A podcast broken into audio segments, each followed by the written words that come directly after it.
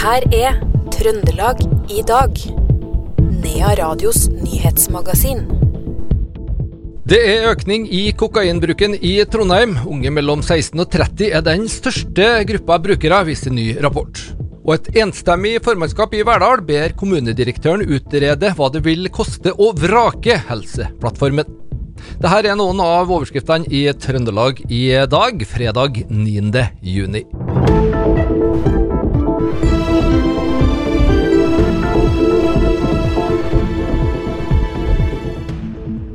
Den tidligere kommunelegen på Frosta har anmeldt en av kvinnene til politiet for falsk forklaring. Det kommer frem i et tilsvar fra legen til Helsetilsynet.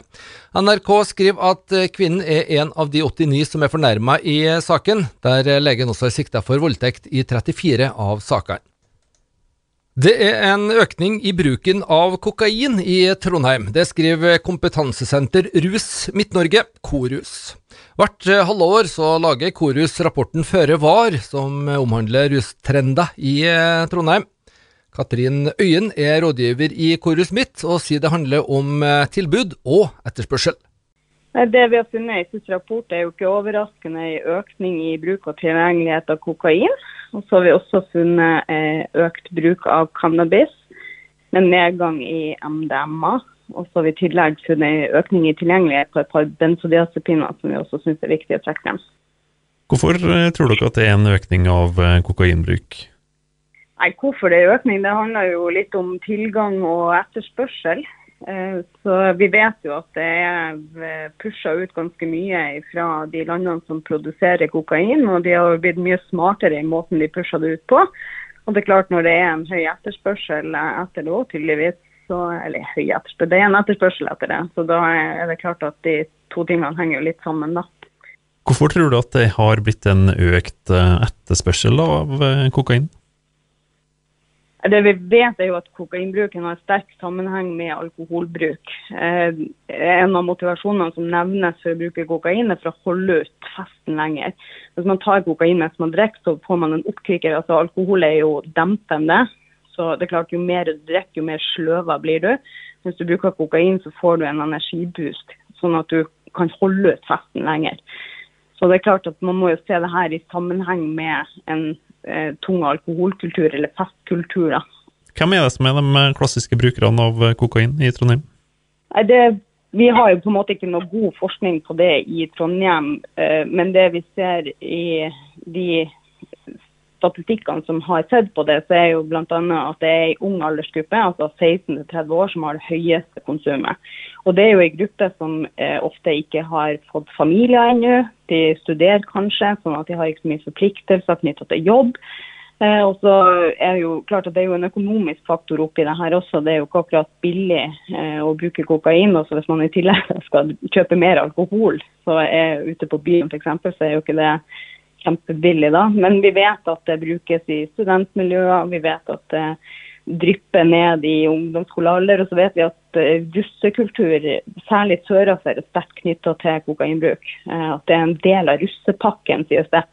Eh, vi har på en måte ikke store indikasjoner på at det er like sterkt, men vi har noe som nevner at det er liksom en del av russekullene som er konsumenter, da. Eller det der mange bruker, da. Det sa Katrin Øyen, rådgiver i Korus Midt, til vår reporter Iver Valldal Lillegjerde.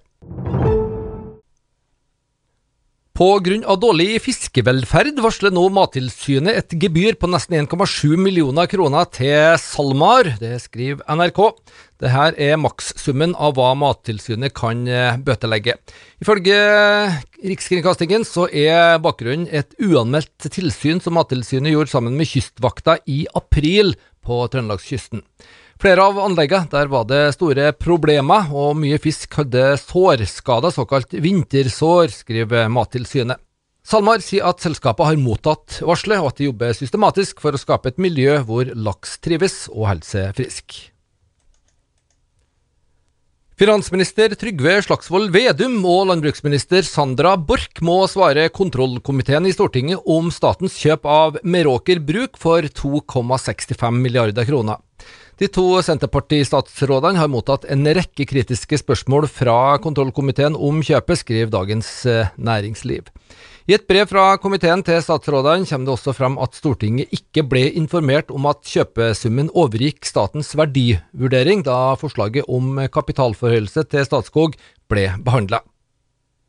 Og Fylkesdirektør Karl Jakob Midthun ber fylkespolitikere vurdere kraftige tiltak i de videregående skolene for å få endene til å møtes for fylkeskommunen. Gjelda på 11 milliarder utfordrer tjenestetilbudet, skriver Trønderavisa. Aktuelle tiltak kan være større elevgrupper, fokus på billigere utdanningstilbud som studieforberedende, og endringer i skolestrukturen. Fylkespolitikerne skal ta stilling til dette når de møtes på Oppdal neste uke.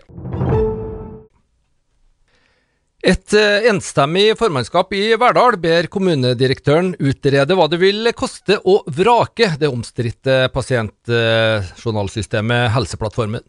I rapporten som skal leveres i oktober, skal man også se på hvilke andre alternativ som eh, finnes. Ordfører i Verdal, Pål Sverre Fikse, sier at man følger situasjonen tett.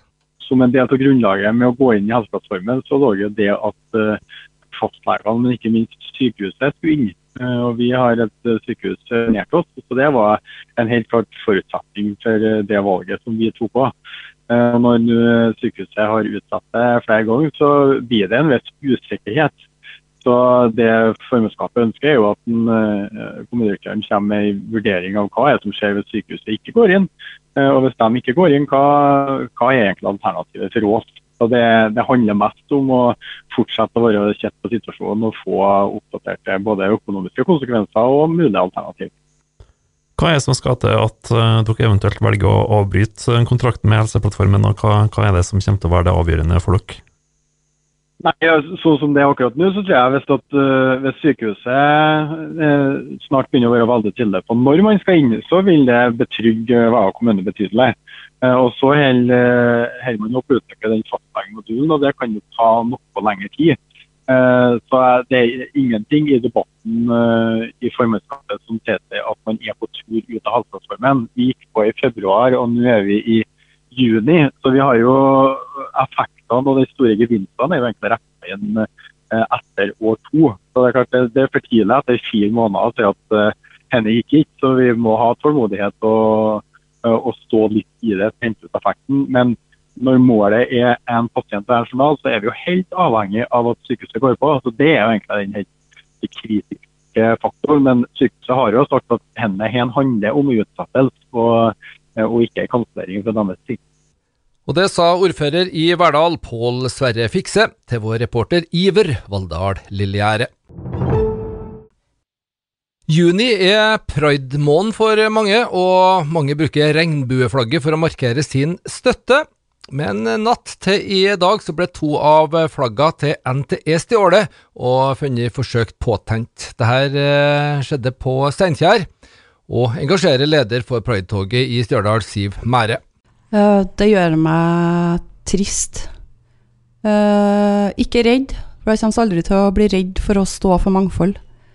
Men trist. Uh, trist at det, folk tenker at de er nødt til å gå til angrep på mangfold. For når vi kommer til at vi skal begynne å gå til angrep på mangfold, da føler jeg at vi går litt tilbake i tid. Så stor tristhet rundt det. Men ser du noe håp, da?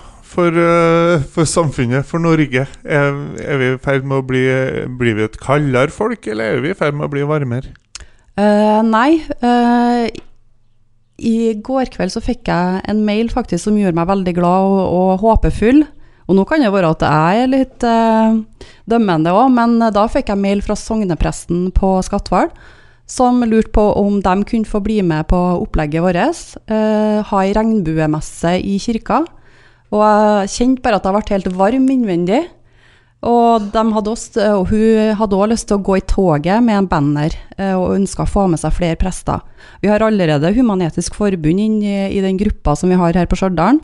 Så det at jeg greier å få med meg både norske kirke og Human-Etisk Forbund i samme tog eh, Ikke at de har noe konflikt og sånn, men det, det er litt artig. Um, samtidig så vil jeg benytte anledningen til, å, til at flere trossamfunn på Stjørdal må bli med.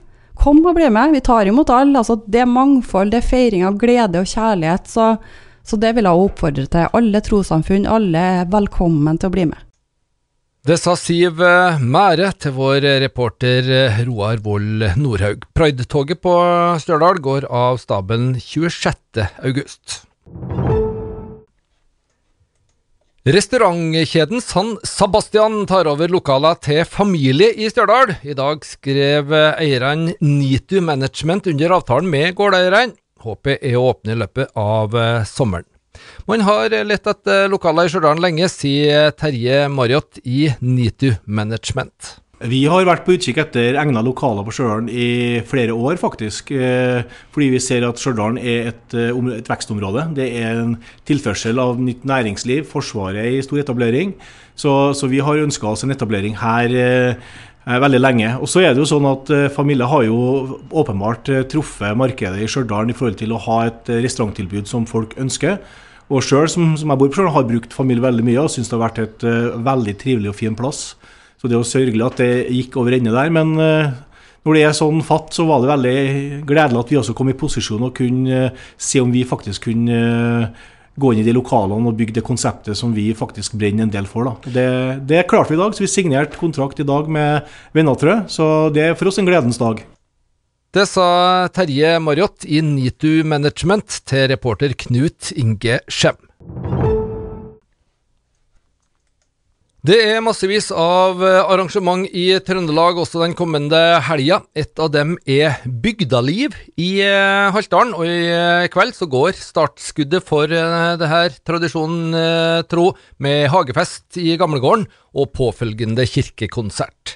Moddi er det som eh, kommer på besøk denne gangen. Vi var og sjekka stemningen eh, dagen før dagen, og traff på en av eh, dem som jobber i komiteen, Anita Fodor Talsnes. Vi har det veldig bra, men vi er ganske rolige. Vi er jo, her er vi vant til, vet du, det ellevte året. Så vi er rolige og vi vet hva vi skal gjøre. Alle har sine arbeidsoppgaver og vet hva de skal gjøre. Forberedelsene her når vi gleder oss til morgen. Mm. Bortsett fra ny artist, hva er annerledes denne gangen? Eh, nei, vi har jo prøvd å tone ned etter tiårsjubileet vårt i fjor, da. Har vi prøvd. Eh, så det er jo tre dager nå, ikke fire, sånn som i fjor. Eh, det er litt sånn tradisjon tro, da. Hageselskap i gammelgården. Litt sånn sceneunderholdning da, blir i år. Vi begynte jo med det i fjor, og så tenkte jeg at det skal vi ikke ha i år, men det ble det, ble det likevel. Klarer ikke å lette før? Nei, klarer ikke å lette før. Eh, og så er vi borti samfunnshuset om da, på markedsdag. Og, mm. ja. Så det er noe likeens som vi bestandig hadde. Og ja, masse som skjer borti der i morgen. Og så søndag på, idretts, på stadion. Mm. Hva gleder deg mest til sjøl, da? Veldig til Moddi. Han eh, Det blir en fin artist å ha i Haltdalskirka, det tror jeg. Mm. Um, passe inn her, tror jeg. Ja. Og så at vi faktisk kan være eh, i et sommerpynt av gamlegården før i yacht og kose oss og nyte finværet som er meldt. Ja. Det sa Anita Fodor Talsnes fra arrangørkomiteen eh, til Bygdaliv i Haltdalen, altså, som starter med, hagefest i gamlegården nå i ettermiddag, og kirkekonsert i Haltdalen kirke med Moddi. Og det var det vi hadde plass til i Trøndelag i dag, fredag 9.6. Du finner det her og alle andre Trøndelag i dag som vi har laga som eh, podkast. I studio, Per Magne Moan.